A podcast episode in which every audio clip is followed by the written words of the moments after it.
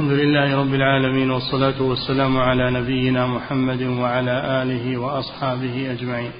أما بعد قال المؤلف رحمه الله تعالى وقال شيخ الإسلام التوحيد الذي جاءت به الرسل إنما يتضمن إثبات الإلهية لله وحده بأن يشهد أن لا إله إلا الله أن لا إله إلا هو لا يعبد إلا لا يعبد إلا إياه ولا يتوكل إلا عليه.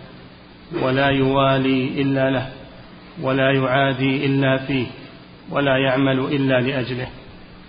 بسم الله الرحمن الرحيم. الحمد لله والصلاة والسلام على رسول الله.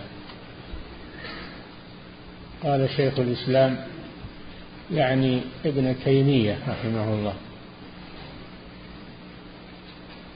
إن التوحيد الذي جاءت به الرسل ليس هو توحيد الربوبية لأن هذا موجود وهم يقرون به.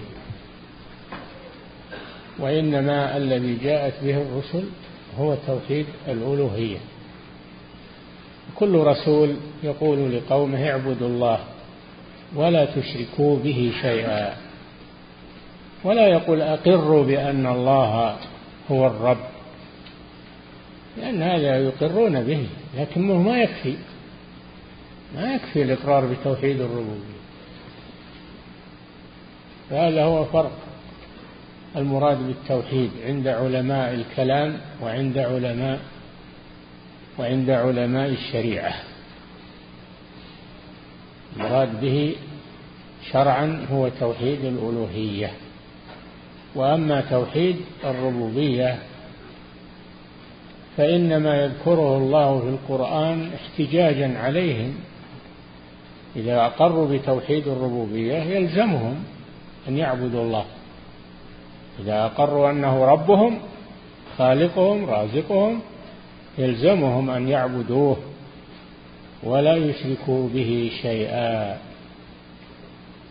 في أول آية في أو في في أول سورة أو ثاني سورة في القرآن ثاني سورة في القرآن وهي سورة البقرة. أول نداء فيها قال الله جل وعلا يا أيها الناس اعبدوا ربكم. ما قال يا أيها الناس أقروا أن الله هو الرب الخالق الرازق. اعبدوا ربكم. ثم ألزمهم فقال الذي خلقكم. أنتم تعترفون أنه هو الذي خلقكم. الذي خلقكم والذين من قبلكم لعلكم تتقون. الذي جعل لكم السماء بناء. الذي جعل لكم الأرض فراشا. تستقرون عليها. الذي جعل لكم الأرض فراشا. والسماء بناء يعني سقفا. جعلنا السماء سقفا محفوظا السماء بناء بناء وأنزل من السماء ماء وهو المطر. والمراد بالسماء في إنزال المطر هو السحاب السحاب المسخر بين السماء والأرض. وأنزل من السماء ماء فأخرج به من الثمرات رزقا لكم. يعترفون بهذا يعترفون بهذا فهو يلزمهم بما أقروا به. فلا ت... ولهذا قال فلا تجعلوا لله أندادا أي شركاء في عبادته. وأنتم تعلمون أنه لا شريك له كما أنه لا شريك له في ربوبيته وكذلك لا شريك له في عبادته. نعم. قال شيخ الإسلام التوحيد الذي جاءت به الرسل إنما يتضمن إثبات الإلهية لله وحده. هذا رد على علماء الكلام الذين يقولون المراد بالتوحيد إثبات الربوبية. وهذا في عقائدهم الموجودة الآن التي تدرس في مدارس العالم الإسلامي.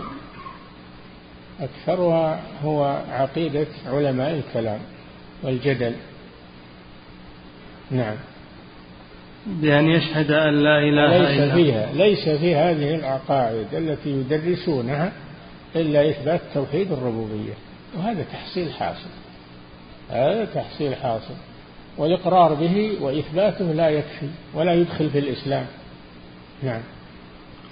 إنما يتضمن إثبات الإلهية لله وحده بأن يشهد أن لا إله إلا هو لا يعبد لا يعبد إلا إياه لا يعبد إلا إياه. هذا معنى لا إله إلا هو. أي لا معبود بحق إلا هو. نعم. ولا يتوكل إلا عليه. يعني جميع أنواع العبادة. ولا ومنها يوالي. التوكل, ومنها التوكل. ولا يتوكل إلا عليه. ولا يتوكل على الأصنام والأحجار والأشجار والقبور. إنما يتوكل على الله. نعم. ولا يوالي إلا له ولا يعادي إلا فيه. الولاء والبراء. ما هو بس إنه يعبد الله ويصيرون الناس عنده سواء المشرك والموحد والمؤمن والكافر. يقول الناس كلهم الإنسانية إخوان في الإنسانية. لا لا بد أن يميز بين المؤمن والكافر والمشرك والموحد. فيوالي أهل التوحيد وأهل الإيمان ويعادي أهل الشرك وأهل الكفران. لا بد من هذا. الولاء والبراء باب عظيم من أبواب العقيدة. لا بد أن يفرق بين هذا وهذا. نعم. ما يقول الناس سواء وكلهم بنو آدم وكلهم إنسان وما أشبه ذلك. نعم. ولا يعمل إلا لأجله. ولا يعمل عملا إلا لأجله مخلصا له الدين. نعم. وذلك يتضمن إثبات ما أثبته لنفسه من الأسماء والصفات. نعم. وتوحيد الألوهية يتضمن توحيد الربوبية. تضمن. يعني يدخل فيه توحيد الربوبية. ومن توحيد الربوبية الأسماء والصفات. لله عز وجل من توحيد الربوبية. نعم.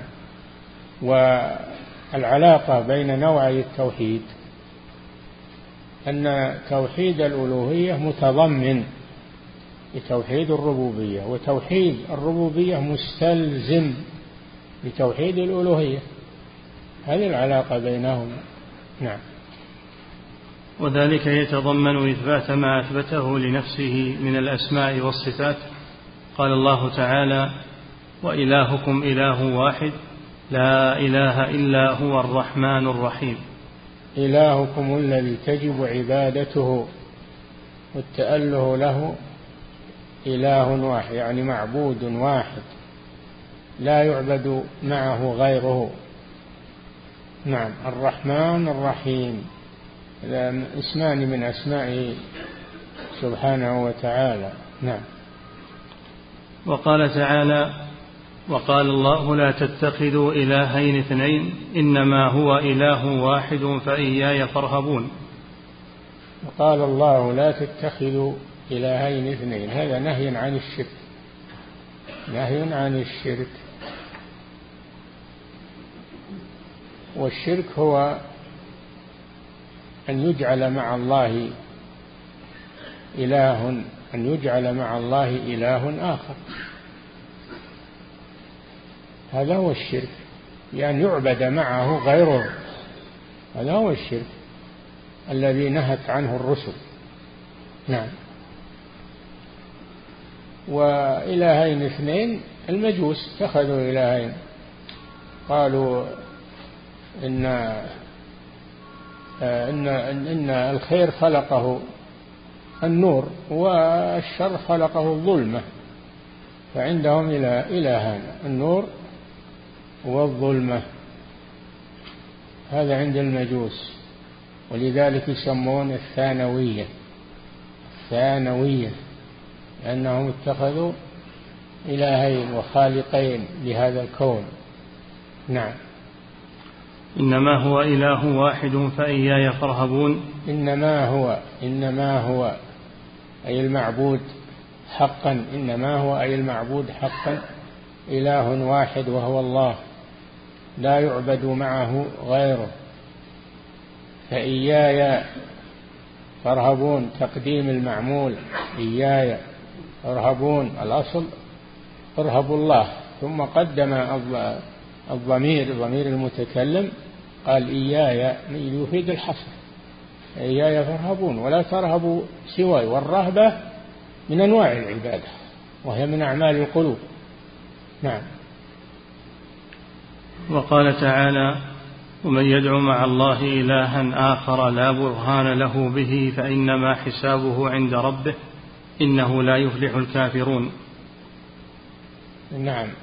ومن يدعو مع الله إلها آخر لا برهان له به فإنما حسابه عند ربه إنه لا يفلح الكافرون.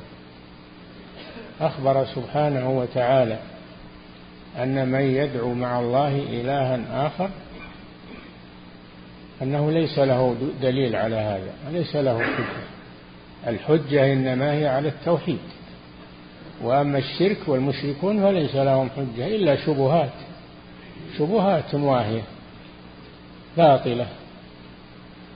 كل مشرك وكل كافر ليس له دليل ولا برهان إلا الشبهات فقط. أما الأدلة والبراهين فهي على التوحيد لا برهان له به. ثم توعده قال إن فإنما حسابه عند ربه يوم القيامة. الناس مفلتون ما هم مفلتون ولا كل بهواه انتظرهم يوم. وهو يوم الحساب. والذي يحاسب من هو؟ هو الله جل وعلا. إنما حسابه عند ربه. ثم قال إنه لا يفلح الكافرون. فسماهم كافرين. الذين يدعون إلها آخر كافرون. وإن كانوا يقولون نحن مسلمون. نحن موحدون. وليس هذا كفر وليس هذا شرك. ما هو بهواهم. هذا شرك وهذا كفر. دعوة غير الله سواء كان من من الأصنام أو من الأحجار أو من الأشجار أو من القبور أو من الملائكة أو من الأولياء والصالحين هذا الشرك بالله عز وجل. نعم. وقال تعالى واسأل من أرسلنا من قبلك من رسلنا أجعلنا من دون الرحمن آلهة يعبدون. نعم أمر الله نبيه محمد صلى الله عليه وسلم أن يسأل من سبقه من الرسل. الرسول محمد صلى الله عليه وسلم هو آخر الرسل وقبله رسل من نوح إلى محمد صلى الله عليه وسلم. كلهم يدعون إلى التوحيد وإفراد الله بالعبادة وما أرسلنا من رسول إلا نوحي إليه أنه لا إله إلا أنا فاعبدوا كل نبي يقول لقومه يا قوم اعبدوا الله ما لكم من إله غيره. ما قالوا أقروا أنه الرب وأنه هذا شيء موجود يقرون به لكنه لا يكفي ولا يدخلهم في الإسلام. نعم. وأخبر عن كل نبي من الأنبياء أنهم دعوا الناس إلى عبادة الله وحده لا وما شريك وما أرسلنا من قبلك من رسول إلا نوحي إليه أنه لا إله إلا أنا فاعبدون. كل الرسل جاءوا بهذا بالأمر بعبادة الله وحده لا شريك له. نعم. وأخبر عن كل نبي من الأنبياء أنهم دعوا الناس إلى عبادة الله وحده لا شريك له وقال قد كانت لكم أسوة حسنة في إبراهيم والذين معه. هذه البراءة هذه البراءة. إذا من وحد الله وأفرده بالعبادة فإنه يجب عليه الولاء والبراء يوالي أولياء الله ويعادي أعداء الله. نعم. ما يقول الناس سواء كلهم أخوة بالإنسانية وكل هذا. باطل. نعم. قد كانت لكم أسوة حسنة في إبراهيم والذين معه إذ قالوا لقومهم إنا براء منكم ومما تعبدون من دون الله كفرنا بكم وبدا بيننا وبينكم العداوة والبغضاء أبدا حتى تؤمنوا بالله وحده. هذه ملة إبراهيم عليه الصلاة والسلام والذين اتبعوه. أنهم يتبرؤون من المشركين ويوالون المؤمنين. إبراهيم تبرأ حتى من أبيه لما تبين له أنه عدو لله تبرأ منه تبرأ من أبيه أقرب الناس إليه. ونحن مأمورون باتباع ملة إبراهيم. نبينا صلى الله عليه وسلم مأمور بذلك. ثم أوحينا إليك أن اتبع ملة إبراهيم حنيفا. ما كان من المشركين. نحن مأمورون بالولاء والبراء. والذي ليس عنده ولا ولا براء هذا معناه ما يفرق بين المشرك والموحد والمؤمن والكافر. ما يفرق بين الناس. هذا ليس له دين. الناس عنده سواء. ويساوي بين الحق والباطل. يقول كلهم بنو آدم وكلهم آه إنسان وكل. هذا كلام باطل. وهذا طمس طمس لعقيدة إبراهيم عليه السلام. التي أمرنا باتباعها.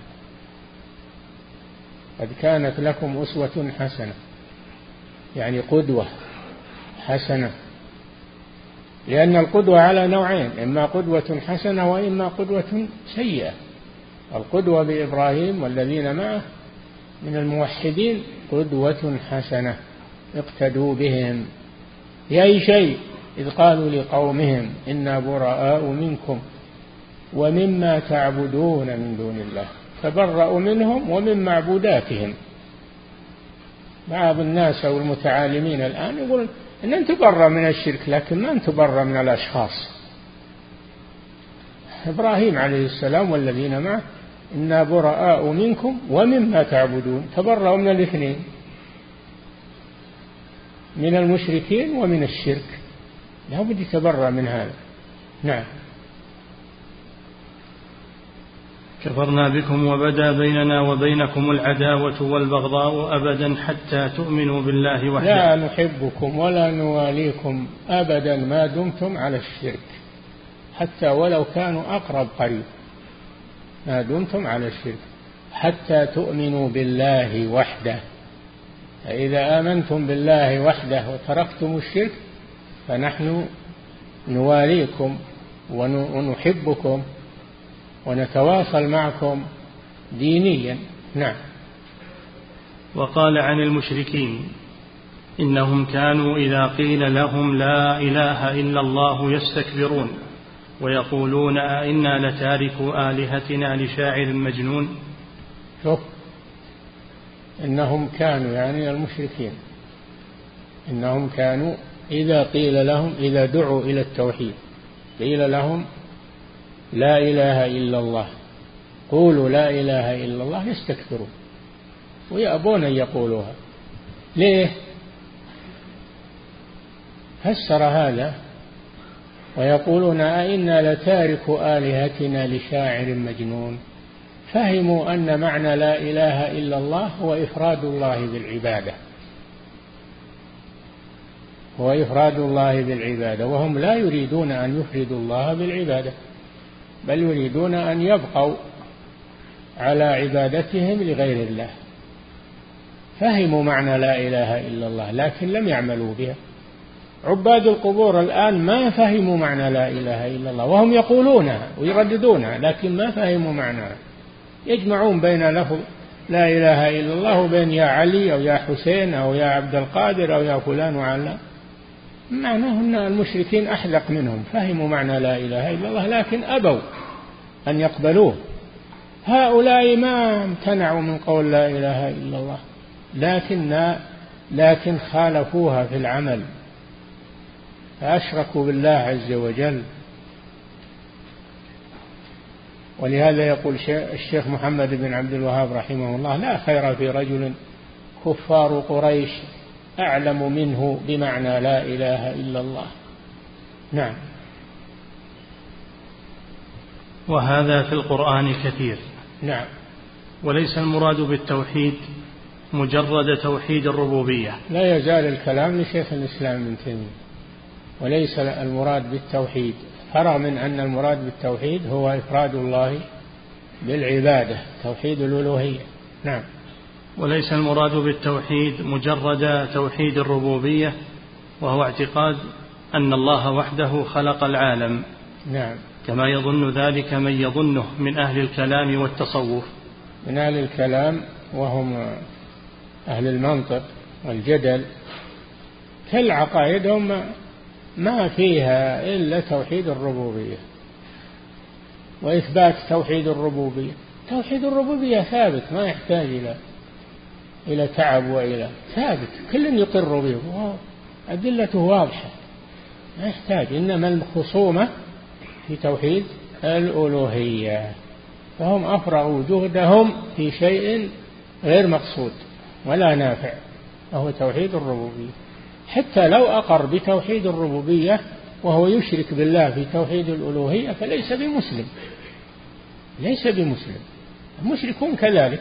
يقرون بتوحيد الربوبية ولكن يشركون به في الألوهية. وما يؤمن أكثرهم بالله إلا وهم مشركون. يؤمنون بتوحيد الربوبية لكن يشركون في توحيد الألوهية. نعم. كما يظن ذلك من يظنه من أهل الكلام والتصوف؟ وأهل التصوف وأيضا شاركوا المتكلمين في أن المقصود بالتوحيد هو توحيد الربوبية. فمن عرف الرب فمن عرف الرب فهو الموحد. هذا عند الصوفية من عرف الرب وشهد توحيد الربوبية فهو الموحد عندهم ولو ما صلى ولا صام ولا إذا عرف توحيد الربوبية فقد وصل إلى الله يقولون. وصل إلى الله وحتى ما عليه صلاة ولا صيام لأنه وصل وعرف عرف ربه. يكفي يكفي أنه يعرف ربه. إذا عرف ربه لا بد أن يعبده. نعم. ويظن هؤلاء أنهم إذا أثبتوا ذلك بالدليل فقد أثبتوا غاية الدليل العقلي يعني. إذا أثبتوا توحيد الربوبية بالدليل العقلي فقد أقاموا التوحيد. نعم. ويظن هؤلاء أنهم إذا أثبتوا ذلك بالدليل فقد أثبتوا غاية التوحيد. غاية التوحيد وهو توحيد الربوبية. نعم. وأنهم إذا شهدوا هذا وفنوا فيه فقد فنوا في غاية التوحيد. الصوفية يفنون بمعنى أنهم لا يشاهدون في هذا الكون إلا الله. ما في مخلوق وخالق عندهم. الكون كله هو الله. اللي يقول هناك مخلوق وخالق هذا مشرك عندهم. واللي يقول ما فيه إلا الله هذا هو الموحد. وهؤلاء هم غلاة الصوفية وهم أهل وحدة الوجود كابن عربي وغيره من غلاتهم. نعم. فإن الرجل لو أقر بما يستحقه الرب تعالى من الصفات.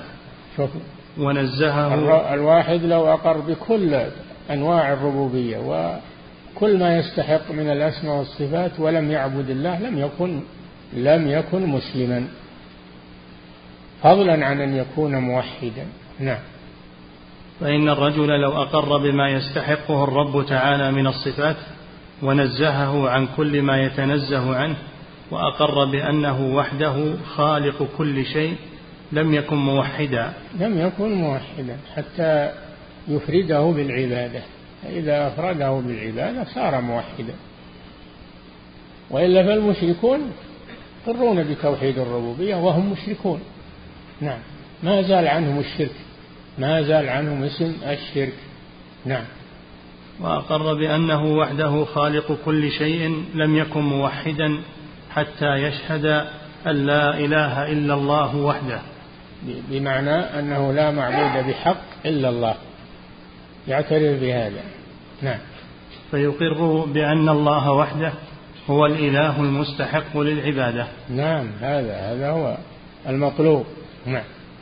ويلتزم بعبادة الله وحده لا شريك له. يلتزم معناه يعرف توحيد الألوهية ولا يلتزم به. لا بد أن يلتزم أن يلتزم به. نعم وإلا لم يكن موحدا ولو عرفه لو عرف توحيد الألوهية. إذا لم يلتزم به لا يكون موحدا. نعم. فيقر بأن الله وحده هو الإله المستحق للعبادة ويلتزم بعبادة الله وحده لا شريك له. نعم. والإله هو المألوه المعبود الذي يستحق العبادة. الإله هو المألوه المعبود كما سبق في أول الكتاب. الإلهية هي العبادة. بخلاف الرب والربوبية في عنده فرق بين الألوهية والربوبية. الربوبية هذا توحيد الربوبية والألوهية توحيد الألوهية. نعم. والإله هو المألوه المعبود الذي يستحق العبادة وليس هو الإله بمعنى القادر على الخلق. إي نعم علماء الكلام عندهم إن الإله هو القادر على الاختراع والخلق والتدبير. هذا الإله عندهم. في حين إن الإله هو الذي يستحق العبادة لأن الألوهية معناها العبادة. نعم. فإذا فسر المفسر الإله بمعنى القادر على الاختراع واعتقد أن هذا هو أخص وصف الإله وجعل إثبات هذا هو الغاية في التوحيد كما يفعل ذلك من يفعله من متكلمة الصفاتية وهم نعم متكلمة الصفاتية الذين يثبتون بعض الصفات أو حتى كل الصفات يثبتونها. لكن يقولون الإلهية معناها الربوبية. الربوبية لا فرق بين الربوبية والإلهية عندهم. فمن أقر أن الله هو الخالق الرازق المحيي المميت المدبر فقد أقر بالألوهية. نقول لهم لا هذا أقر بالربوبية فقط. ولا يقر بالألوهية إلا إذا قال أشهد أن لا إله إلا الله وعمل بها. نعم. وهو الذي يقولونه عن أبي الحسن وأتباعه. أبي الحسن هذا الصفاتية أتباع أبي الحسن الأشعري رحمه الله. أبو الحسن كان في الأول على مذهب المعتزلة. كان في الأول على مذهب المعتزلة.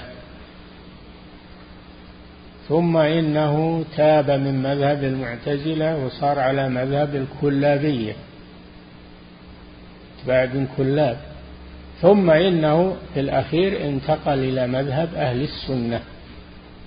وصار يقول بما يقوله أهل السنة كالإمام أحمد بن حنبل وغيره. وهذا موجود في كتبه الأخيرة مثل كتاب آه، المقالات مقالات الإسلاميين واختلاف المصلين مثل الرسالة إلى أهل الثغر. موجود في في مؤلفاته الأخيرة لكن أتباعه ما رجعوا معه عن مذهب الكلابية. فهم ليسوا أشاعرة في الحقيقة إنما يقال كلابية هم على مذهب الكلابية. نعم. كما يفعل ذلك من يفعله من متكلمة الصفاتية وهو الذي يقولونه عن أبي الحسن وأتباعه. أبي الحسن الأشعري علي بن الحسن الأشعري. نسبة إلى الأشعر قبيلة من من اليمن. نعم. لم يعرف حقيقة التوحيد الذي بعث الله به رسوله صلى الله عليه وسلم. نعم. الذي يقول أن التوحيد أن التوحيد هو توحيد الربوبية هذا لم يعرف حقيقة التوحيد الذي أرسل الله بها الرسل. التي أرسل الله بها الرسل لم يعرف. مع أنه متبحر في علم الجدل والكلام والمنطق ولكنه لا يعرف من أدلة الشرع شيئا. مع الأسف. نعم. فإن مشركي العرب نعم. كان نعم. فإن مشركي العرب كانوا مقرين بأن الله وحده خالق كل شيء. هذا لا فرق بينه وبين مشرك العرب الذين بعث إليهم محمد صلى الله عليه وسلم. كانوا مقرين بتوحيد الربوبية تماما. والرسول ما طالبهم بالإقرار بتوحيد الربوبية طالبهم بالإقرار بتوحيد الألوهية مثل أخوانه من المرسلين. كل نبي يقول لقومه اعبدوا الله. يا قوم اعبدوا الله. ما لكم من إله غيره. وما أرسلنا من قبلك من رسول إلا نوحي إليه. أنه لا إله إلا أنا فاعبدون. واضح الأمر. نعم. لكن عميت أبصارهم عن هذا. نعم. فإن مشركي العرب كانوا مقرين بأن الله وحده خالق كل شيء وكانوا مع هذا مشركين. نعم. ولئن سألتهم من خلقهم لا يقولون الله. قل من رب السماوات السبع ورب العرش العظيم؟ سيقولون لله. ذكر الله هذا في القرآن بكثرة أنهم يقرون بتوحيد الربوبية ومع هذا يشركون به في توحيد الألوهية. نعم. وكانوا مع هذا مشركين قال تعالى وما يؤمن أكثرهم بالله إلا وهم مشركون. وما يؤمن أكثرهم بالله إيمان بالتوحيد الربوبية إلا وهم مشركون في توحيد الألوهية. نعم. قال طائفة من السلف تسألهم من خلق السماوات والأرض فيقولون الله وهم مع هذا يعبدون غيره. هذا من العجب أنهم يقولون الله الذي خلق السماوات والأرض هو الله ومع هذا يعبدون غيره ممن لم يخلق ولا يرزق ولا يحيي ولا يميت ولا يدبر من الأمر شيء. نعم. قال تعالى قل لمن الأرض ومن فيها إن كنتم تعلمون؟ سيقولون لله قل أفلا تذكرون؟ نعم. إلى قوله تعالى قل من رب السماوات السبع ورب العرش العظيم فسيقولون لله قل أفلا تتقون؟ قل من بيده ملكوت كل شيء وهو يجير ولا يجار عليه إن كنتم تعلمون؟ سيقولون لله قل فأنا تسحرون؟ ذكر الله عنهم أنهم يقرون بتوحيد الربوبية. نعم. إلى قوله فأنا تسحرون فليس كل من أقر بأن الله تعالى رب كل شيء وخالقه يكون عابدا له دون ما سواه داعيا له دون ما سواه. ما كل من يقر بتوحيد الربوبية يعترف بتوحيد الألوهية إنما اعترف به المؤمنون خاصة. الرسل وأتباعهم. نعم. فليس كل من أقر بأن الله تعالى رب كل شيء وخالقه يكون عابدا له دون ما سواه داعيا له دون ما سواه راجيا له خائفا منه دون ما سواه يوالي فيه ويعادي فيه ويطيع رسله ويأمر بما أمر به وينهى عما نهى عنه. أي نعم. لا يكون كذلك إلا إذا اعترف بتوحيد الألوهية وعمل به اعترف به وعمل به. نعم. وعامة المشركين أقروا بأن الله كل لا يزال الكلام لشيخ الإسلام ابن تيمية. نعم. وعامة المشركين أقروا بأن الله خالق كل شيء وأثبتوا الشفعاء الذين يشركونهم به. نعم هذا من العجب أنهم يقرون أن الله خالق كل شيء واتخذوا معه الآلهة يزعمون أنهم شفعاء. ما يقولون آلهة وأرباب يقولون شفعاء. الذين اتخذوا من دونه أولياء ما نعبدهم إلا ليقربونا إلى الله زلفى. إن الله يحكم بينهم فيما فيه يختلفون. إن الله لا يهدي من هو كاذب كفار.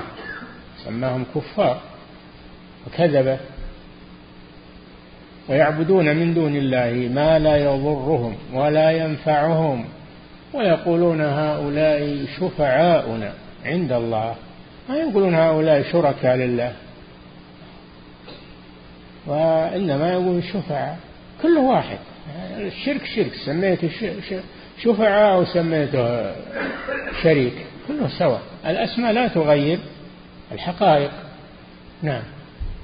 سموهم شفعاء وهم شركاء. لله في العبادة الأسماء لا تغير الحقائق. الآن يسمون الشرك في الألوهية توسل يسمونه التوسل. والتقرب إلى الله بشفاعتهم يشفعون لهم يقربونهم إلى الله زلفى. هذا كله باطل. هذا كله باطل. هذا موروث المشركين. ما زال. نعم. وعامة المشركين أقروا بأن الله خالق كل شيء وأثبتوا الشفعاء الذين يشركونهم به وجعلوا له أندادا. نعم. قال تعالى أم اتخذوا من دونه شفعاء؟ قل أولو كانوا لا يملكون شيئا ولا يعقلون؟ قل لله الشفاعة جميعا. أم اتخذوا من دونه شفعاء؟ من دون الله شفعاء؟ قل أولو كانوا لا يملكون شيئا ولا يعقلون؟ كالأصنام والأحجار والأشجار. ثم قال قل لله الشفاعة جميعا. الشفاعة ملك لله. ولا تثبت إلا بشرطين. الشرط الأول أن يأذن الله للشافع أن يشفع. الشرط الثاني أن يكون المشفوع فيه من أهل التوحيد. أما المشرك والكافر فلا تنفعه الشفاعة ولا يقبل الله فيه شفاعة ما للظالمين من حميم ولا شفيع يطاع فما تنفعهم شفاعة الشافعين المشرك ما تقبل فيه شفاعة أبدا وأنتم مشركون أنتم تعبدون مع الله غيره فلا يقبل فيكم شفاعة. أولا أنها ليست بإذن الله الله لم يأذن بها وثانيا أنتم لستم من أهل الشفاعة. المشرك ليس من أهل الشفاعة. الشفاعة لعصاة الموحدين خاصة. نعم. قل لله الشفاعة جميعا وقال تعالى ويعبدون من دون الله ما لا يضرهم ولا ينفعهم. كما في سورة يونس عليه السلام. نعم ويعبدون. ويعبدون من دون الله ما لا يضرهم ولا ينفعهم ويقولون هؤلاء شفعاؤنا عند الله. ولو نحن نعلم أنهم ما ينفعون ولا يضرون لكن هؤلاء صالحون ونحن مذنبون ونريد أنهم يشفعون لنا عند الله. الله أذن لكم بهذا. أذن لكم أن تتخذوا هؤلاء شفعاء. ثم أيضا هم لم يقتصروا. على أنهم وسائط وأنهم بل عبدوهم يعبدون من دون الله. ما لا يضرهم ولا ينفعهم. يعبدونهم يعبدون الوسائط والشفعاء. ويقولون هؤلاء شفعاؤنا. والذين اتخذوا من دونه أولياء ما نعبدهم. أقروا أنهم يعبدونهم إلا ليقربونا إلى الله زلفى. سبحان الله. تشركون بالله وتبون هؤلاء الأصنام والأحجار والقبور والأضرحة تقربكم إلى الله زلفى. ما يقربكم إلى الله إلا العمل الصالح. ما يقرب إلى الله إلا العمل الصالح. وهو الوسيلة التي قال الله جل وعلا يا أيها الذين آمنوا اتقوا الله وابتغوا إليه الوسيلة وجاهدوا في سبيله لعلكم تفلحون. الوسيلة هي العبادة. تقرب إلى الله بالطاعة. هذه هي الوسيلة. ما هذا الوسيلة؟ أنك تجيب فلان وفلان يشفع لك. نعم. ويعبدون من دون الله ما لا يضرهم ولا ينفعهم ويقولون هؤلاء شفعاؤنا عند الله إلى قوله سبحانه وتعالى عما يشركون. فنزه نفسه عن شركهم هذا. سماه شركا ونزه نفسه عنه. وهم يقولون هؤلاء شفعاؤنا عند الله. ما يقولون هؤلاء شركاء لله. نعم. وقال تعالى ولقد جئتمونا فرادا كما خلقناكم أول مرة وتركتم ما خولناكم وراء ظهوركم وما نرى معكم شفعاءكم الذين زعمتم أنهم فيكم شركاء لقد تقطع بينكم وضل عنكم ما كنتم تزعمون. إذا مات الإنسان ترك هذه الدنيا بما فيها وما عنده من المال والأرصدة والملايين والمليارات وترك الأولاد والأصدقاء ثم ذهب إلى ربه فردا. فردا ليس معه شيء.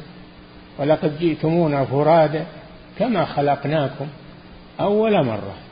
وتركتم ما خولناكم يعني ما أعطيناكم في الدنيا. وراء ظهوركم. ثم قال وهذا محل الشاهد. وما نرى معكم شفعاءكم الذين زعمتم أنهم فيكم شركاء. وين شركاءكم اللي أنتم في الدنيا أفنيتم أعماركم تدعونهم تذبحونهم تنظرون, تنظرون لهم تطوفون بقبورهم؟ وين هم ما جو معكم؟ يخلصونكم.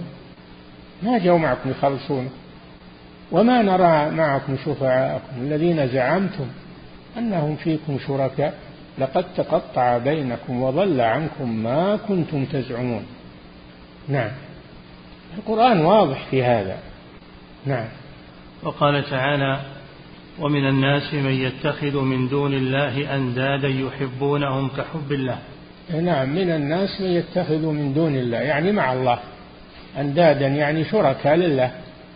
يحبونهم كحب الله. أي يحبون أصنامهم وأندادهم كما يحب الموحدون الله جل وعلا. فالموحد يحب الله والمشرك يحب الصنم والوثن والقبر والضريح. يحبه. ما حمل على هذا إلا أنه يحبه لكنها محبة باطلة محبة زائفة تزول تزول وتنقطع. تنقطع يوم القيامة. الأخلاء يومئذ بعضهم لبعض عدو. إلا المتقين. يتعادون يتلاعنون يوم القيامة. ويوم القيامة يكفر بعضكم ببعض ويلعن بعضكم بعضا. ومأواكم النار وما لكم من ناصرين. تنقطع هذه. تقطعت بهم الأسباب. شوف. وتقطعت بهم الأسباب. لتبرأ الذين اتبعوا من الذين اتبعوا ورأوا العذاب وتقطعت بهم الأسباب. محبة زالت اللي بينهم. حلت محلها البغضاء. فلا يبقى إلا محبة الله سبحانه وتعالى وعبادة الله وحده لا شريك له. هذا الذي يبقى وهذا الذي ينجي من عذاب الله. نعم. ولهذا كان من أتباع هؤلاء. من يسجد للشمس والقمر والكواكب ويدعوها ويصوم وينسك لها ويتقرب إليها ثم يقول إن هذا ليس بشرك إنما الشرك إذا اعتقدت أنها المدبرة لي فإذا جعلتها سببا وواسطة لم أكن مشركا. هو بهواك ما تكون مشركا. أنت مشرك. ولا هو بهواك أنك تقول أنا من مشرك وتعمل ما تشاء تعبد غير الله. تعبد غير الله وتقول أنا من مشرك؟ ما هو بهواك هذا. أنت مشرك. نعم. ومن المعلوم بالاضطرار من دين الإسلام أن هذا شرك. أن هذا شرك. أن عبادة غير الله شرك. ولو سميته غير شرك. لو سميته واسطة أو وسيلة أو أو شفيع ما ينفعك هذه التسمية. الشرك شرك. أنت لو سميت السم لو سميت السم عسلا وشربته هل يكون عسلا؟ الأسماء ما تغير الحقائق. تسمية الشرك تسمية الشرك تشفع أو واسطة أو وسيلة لا ينفع. شرك شرك لا ينفعك. نعم. ومن المعلوم بالإضطرار من دين الإسلام أن هذا شرك انتهى كلامه رحمه الله تعالى. كل هذا كلام شيخ الإسلام. من بداية الدرس إلى هذا. نقل نقلا عنه من كتبه رحمه الله. واضح. هذا واضح. تقرير للتوحيد.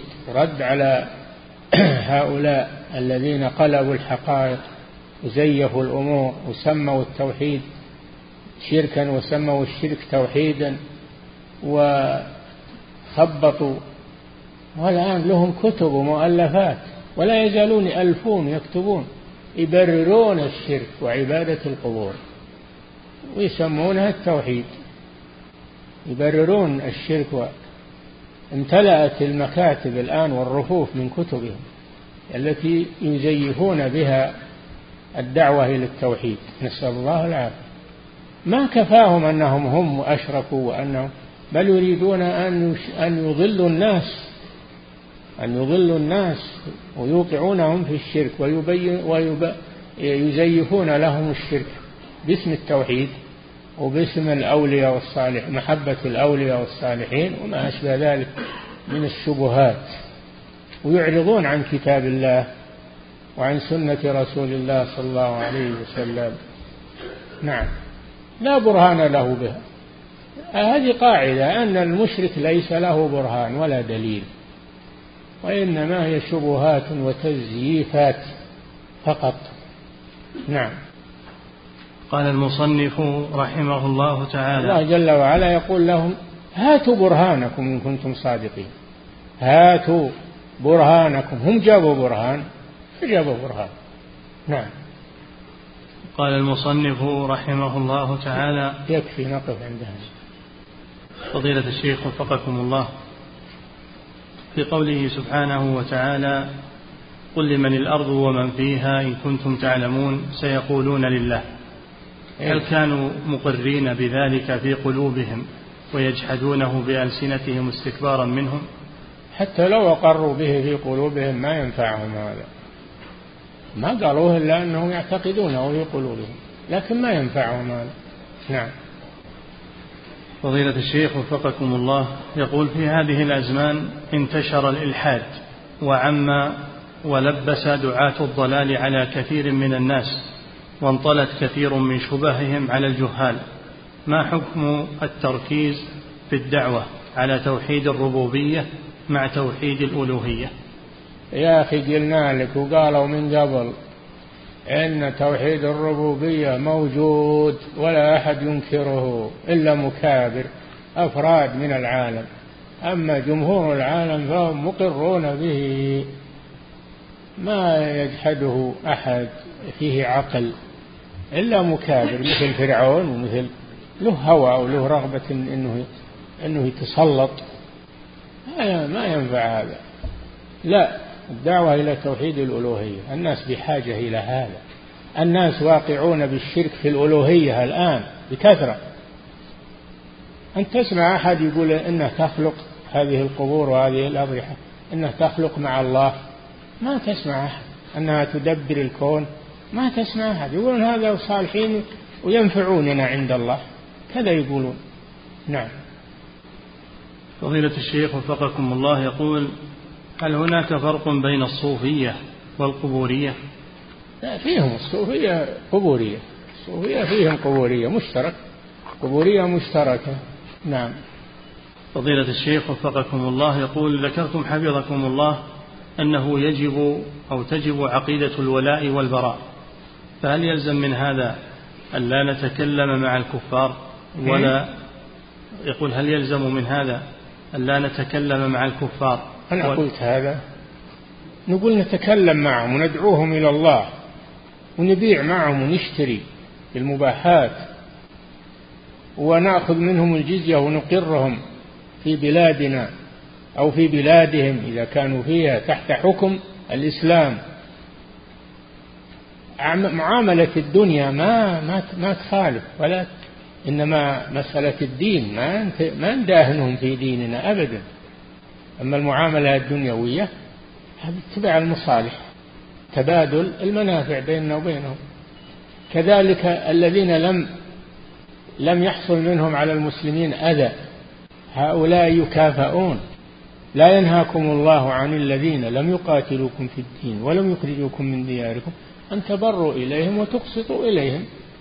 إن الله يحب المقسطين. مكافأة لهم. نحن نتعامل معهم المعاملات الدنيوية. أما مسألة الدين والمحبة والولاء والبراء لا. نحن على ديننا ولا نساوم عليه. نعم. فضيلة الشيخ وفقكم الله يقول ظهر أناس في هذا الزمان ممن يشار إليهم كذلك لا بأس أن نتعاهد معهم نقيم المعاهدات معهم. حسب المصلحة للمسلمين ما في ما ما في بأس. الرسول تعاهد مع المشركين في الحديبية تصالح معهم. إذا كان هذا في صالح المسلمين لا بأس. نعم. فضيلة الشيخ وفقكم الله يقول ظهر أناس في هذا الزمان ممن يشار إليهم بالبنان يقولون إنهم لا يكفرون المشركين. يقول أنا لا أستطيع أن أكفر من يقول لا إله إلا الله إذا طاف على القبر. سبحان الله. يقول لا إله إلا الله ويطوف على القبر وين لا إله إلا الله؟ إيش معنى لا إله إلا الله؟ لا إله إلا الله ما هي بقول باللسان. قول باللسان واعتقاد بالقلب وعمل. لا بد أن يترك الشرك بجميع أنواعه وإلا فهو مشرك وإن كان يقول لا إله إلا الله لأنه لم يصدق فيها. لا إله إلا الله ما هي مجرد كلمة تقال باللسان فقط. نعم. فضيلة الشيخ وفقكم الله يقول هل هناك فرق بين الولاء والبراء وبين الموالاة؟ لا فرق بينهما. نعم. فضيلة الشيخ وفقكم الله يقول هل كل من يعبد القبور ويكون من أهل القبور يعد كافرا بعينه؟ عندك شك في هذا؟ اللي يعبد القبور ما يكون كافرا. إذا ما ما هو الشرك وما هو الكفر؟ هذه شبهة روجها في هذا الوقت المرجئة. روجها المرجئة. فلا تروج عليكم أبدا. نعم. فضيلة الشيخ وفقكم الله الأقارب الذين لا يصلون كيف تكون البراءة منهم؟ وهل يناصحون ويهجرون أو يتبرأ منهم مباشرة؟ لا بد من نصيحتهم ودعوتهم لكن السكنى معهم. إذا كان لك ما يغنيك فتخرج وتسكن وحدك أنت وأولادك. مع مواصلة دعوتهم إلى الله ونصيحتهم. نعم. فضيلة الشيخ وفقكم الله. يقول سمعت شخصا يشرح كتاب التوحيد فقال كل من قال أنا صوفي فإنه كافر. فهل كلامه صحيح؟ لا. هو صحيح. هو كل من قال إنه صوفي يكون كافر. هو مبتدع قد يكون مبتدع قد يكون عاصي فقط. الصوفية ما هم على درجة واحدة. منهم غلاة ومنهم آه، دون ذلك. نعم. فضيلة الشيخ وفقكم الله يقول بعض الدعاة في الغرب حين يدعون الكفار إلى الإسلام وإلى توحيد الله يقول لهم أولئك الكفار نحن لا نؤمن بوجود رب أصلا. فما الطريقة الصحيحة في دعوة هؤلاء؟ إذا كانوا ما يعترفون برب أصلا اتركوا لا مطمع فيهم هؤلاء لا مطمع فيهم. هؤلاء ملاحدة. نعم. فضيلة الشيخ وفقكم الله يقول ما المقصود بالمحبة؟ التي لا تكون إلا لله سبحانه.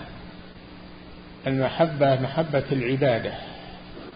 أما محبة الطبيعية مثل محبة المال والولد والطعام وغير ذلك هذه طبيعية ما تضر. هذه طبيعية. لكن المحبة التي هي نوع من أنواع العبادة التي معها ذل للمحبوب وانقياد للمحبوب هذه المحبة العبادة. نعم.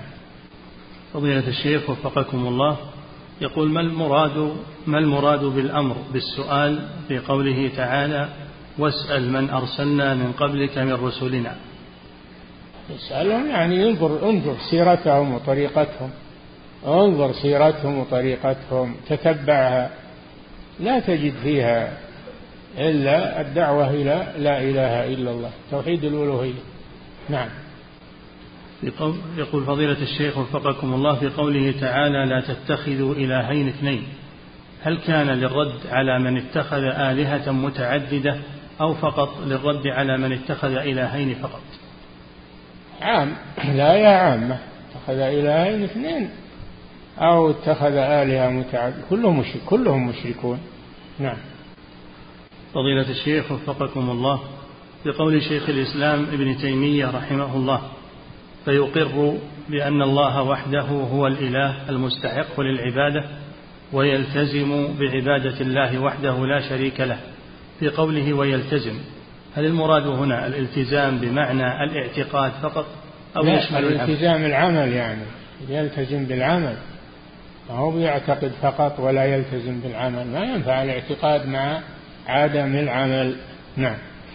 فضيلة الشيخ وفقكم الله يقول هل, الور... هل الولاء والبراء يكون أيضا عن المبتدعة بالنسبة للمبتدعة حسب بدعتهم. إي نعم. تتبرأ من المبتدع على حسب بدعته شدة ودون ذلك. نعم. فضيلة الشيخ وفقكم الله يقول بالنسبة لابن عربي وابن الفارغ وابن سبعين هل يقال بكفرهم لأننا لا نعلم لهم توبة أم يتوقف في مثل هؤلاء؟ هذه مسألة تكفير المعين فيها خلاف.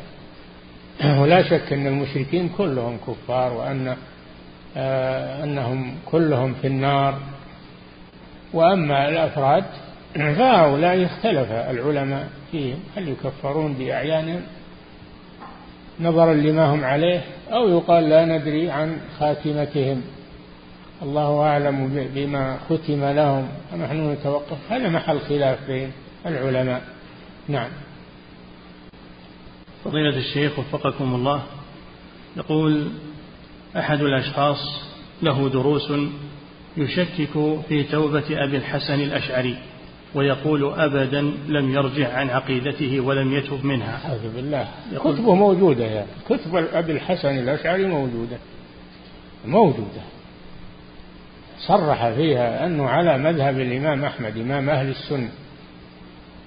ويقول ما ثبت. يعني كتبه ذي مزيفة ولا مكذوبة عليه. نعم. فضيلة الشيخ وفقكم الله الذي يترك الحق ويتبع الباطل معتقدا أن هذا الباطل حق. هل نعم. هذا الذي يترك الحق ويتبع الباطل معتقدا أن هذا الباطل هو الحق. هل يعد جاهلا أو صاحب هوى؟ علينا منه المهم أن ما عليه أنه على الباطل وما هو عليه باطل. فنعامله بحسب ما هو عليه. نعم. أما أن نقول نيته ما ندري عن نيته ما ندري ما كلفنا الله بالقلوب كلفنا الله بالأشياء الظاهرة. نحن نحكم على الظاهر. نعم. فضيلة الشيخ وفقكم الله.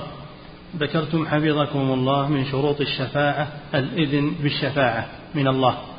يقول هل أعطي هذا لغير الرسول صلى الله عليه وسلم؟ نعم.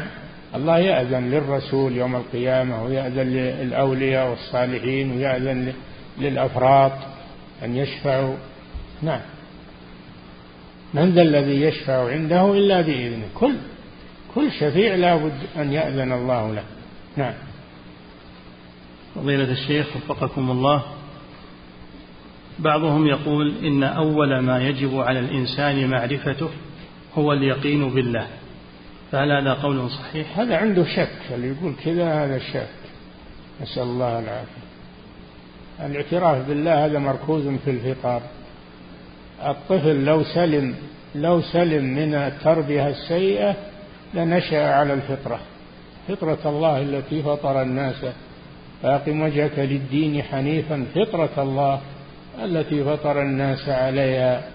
المسلم العبد مفطور العبد مفطور على التوحيد لكن تغير فطرته. فأبواه يهودان أو يمجسان أو ينصرانه تغير فطرته.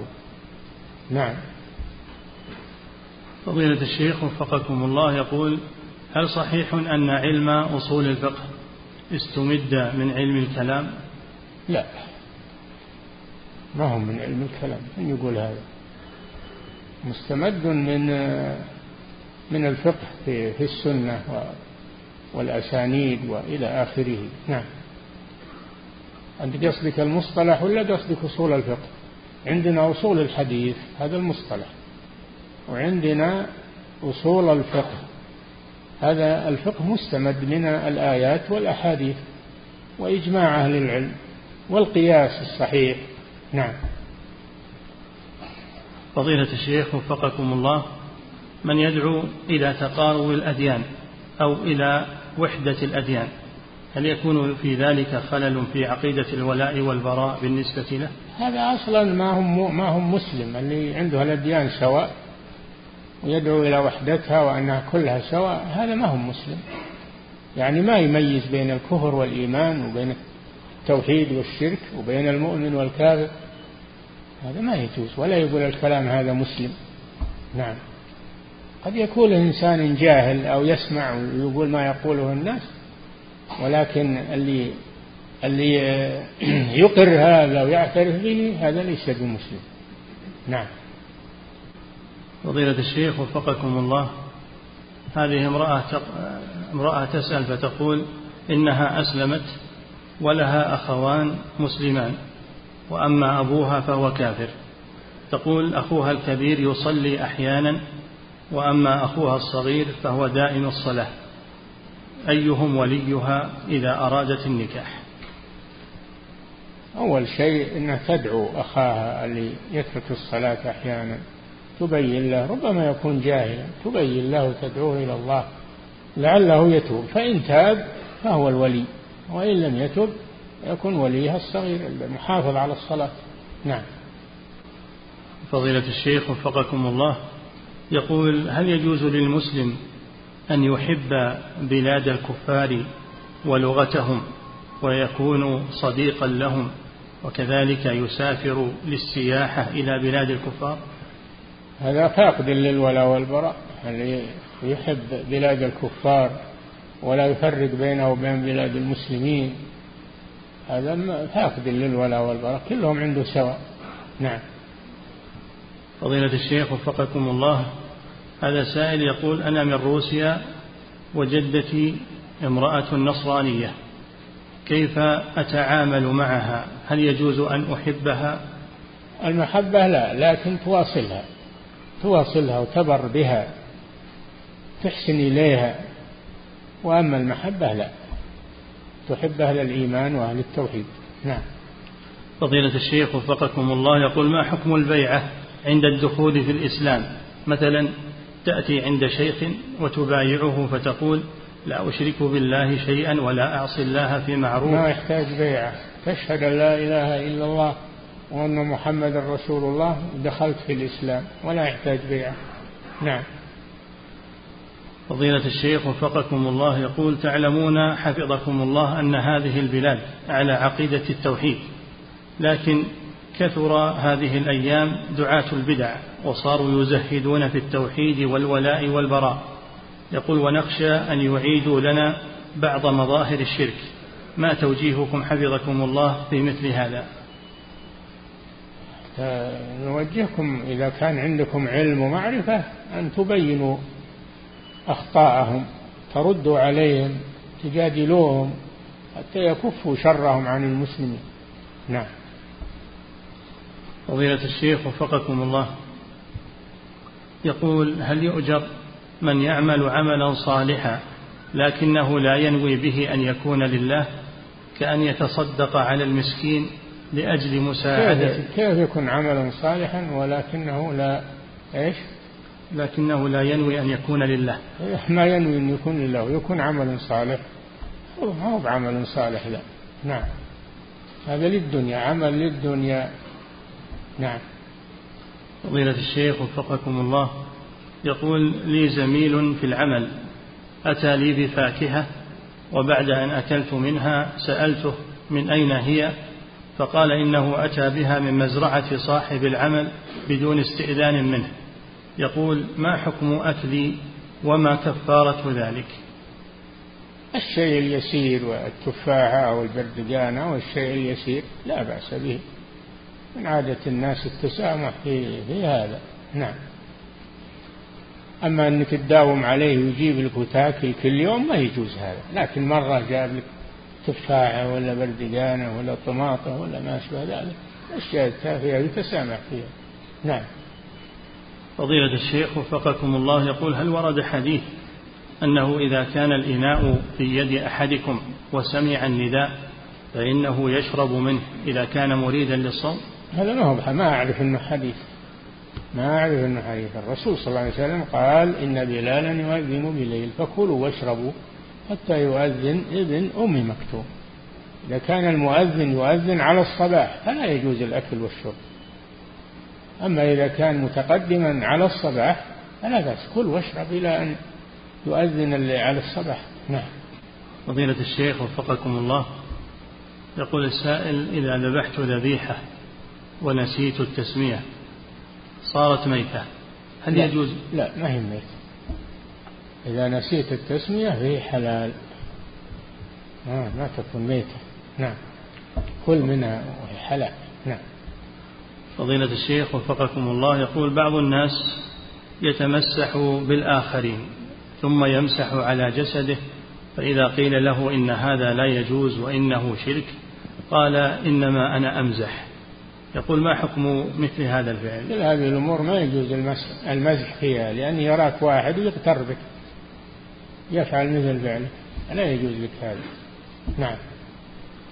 فضيلة الشيخ وفقكم الله.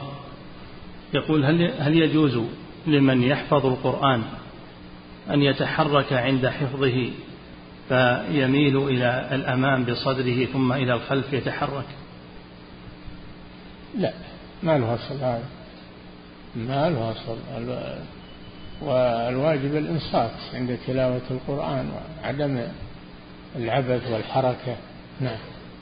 هذا شغل الصوفية التمايل هذا شغل الصوفية. وقد ذكر أنه من عمل النصارى عند قراءتهم للإنجيل. نحن منهي عن هذا. نعم.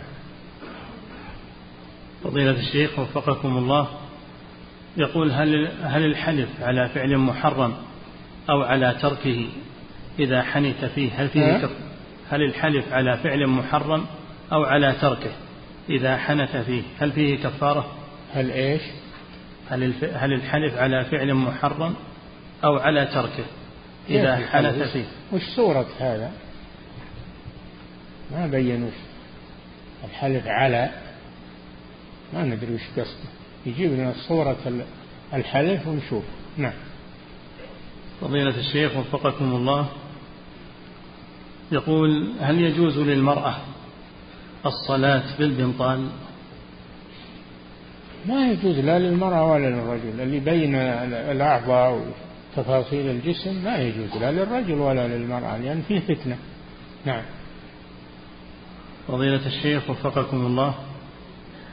يقول أي الأعمال أفضل بالنسبة للإنسان؟ هل هي طلب العلم أم تعليم القرآن؟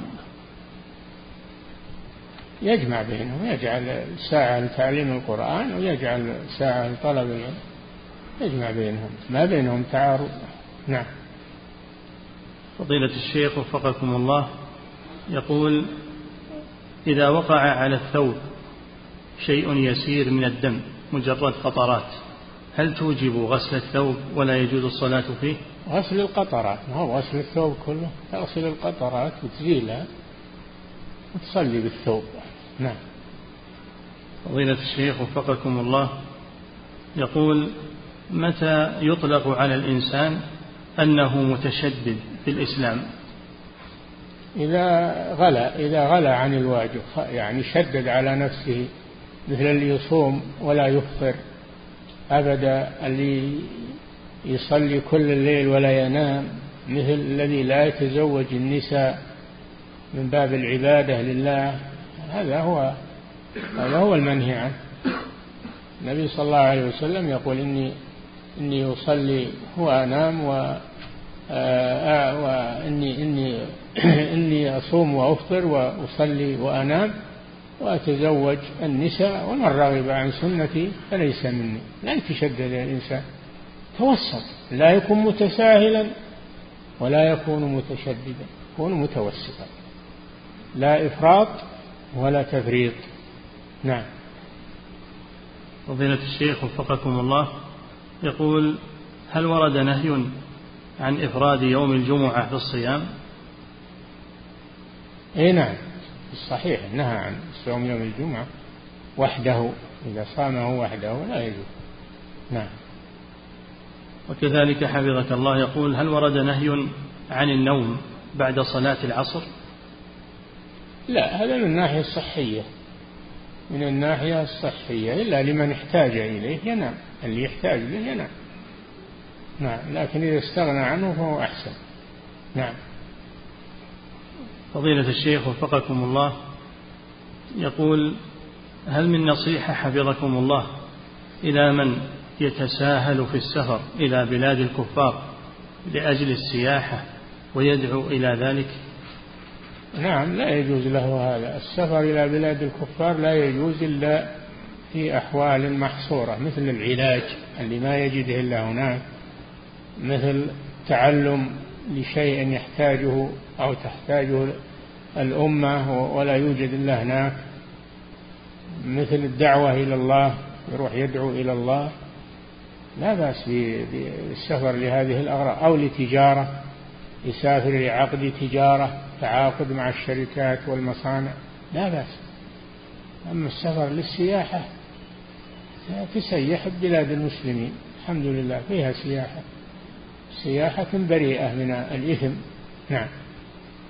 فضيلة الشيخ وفقكم الله يقول هناك سائق مسلم أصيب بمرض سرطان في الدم عافانا الله وإياكم. يقول سافر إلى بلده ليتلقى العلاج هناك. من هو؟ سائق مسلم أصيب بمرض السرطان في الدم. نعم. عافانا الله وإياكم. يقول وسافر إلى بلده لتلقي العلاج هناك. وتكاليف العلاج كبيرة. سؤاله هل يجوز لي أن أدفع الزكاة له لأجل العلاج؟ إذا كان مسلما ولا يستطيع يعالج نفسه يدفع له الزكاة. نعم. فضيلة الشيخ وفقكم الله يقول وسائل الدعوة إلى الله هل هي توقيفية؟ وهل هناك فرق بين الوسائل والمناهج؟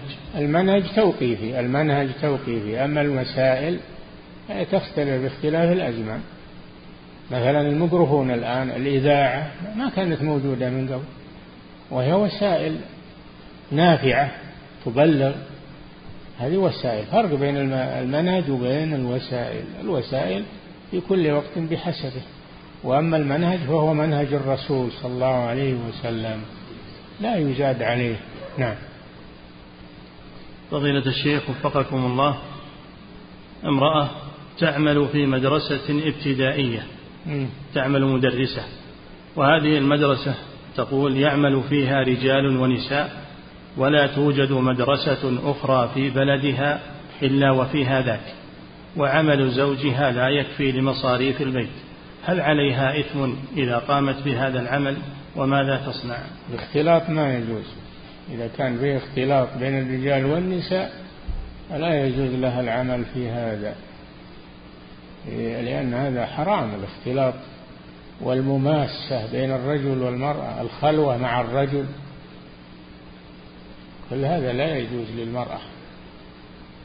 والرزق بيد الله. تترك الحرام ويرزقها الله. من يتق الله يجعل له مخرجا ويرزقه من حيث لا يحتسب. نعم. فضيلة الشيخ وفقكم الله. يقول إذا اشتريت أرضا ولم أرها فهل يصح العقد؟ إذا, إذا اشتريت أرضا ولم أرها فهل يصح العقد؟ أرض معينة الأرض المعينة لا بأس بشرائها ولو لم ترها بالوصف تشتريها بالوصف لكن لا تتصرف فيها حتى تقبضها.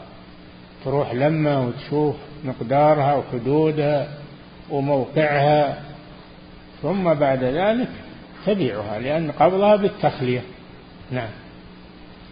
فضيلة الشيخ وفقكم الله يقول ما حكم قول الرجل لضيوفه من باب الترحيب؟ حلت علينا البركة بقدومكم وهو لا يقصد طلب البركة أو التبرك بهم.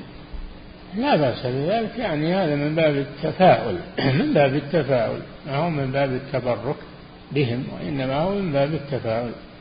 نعم.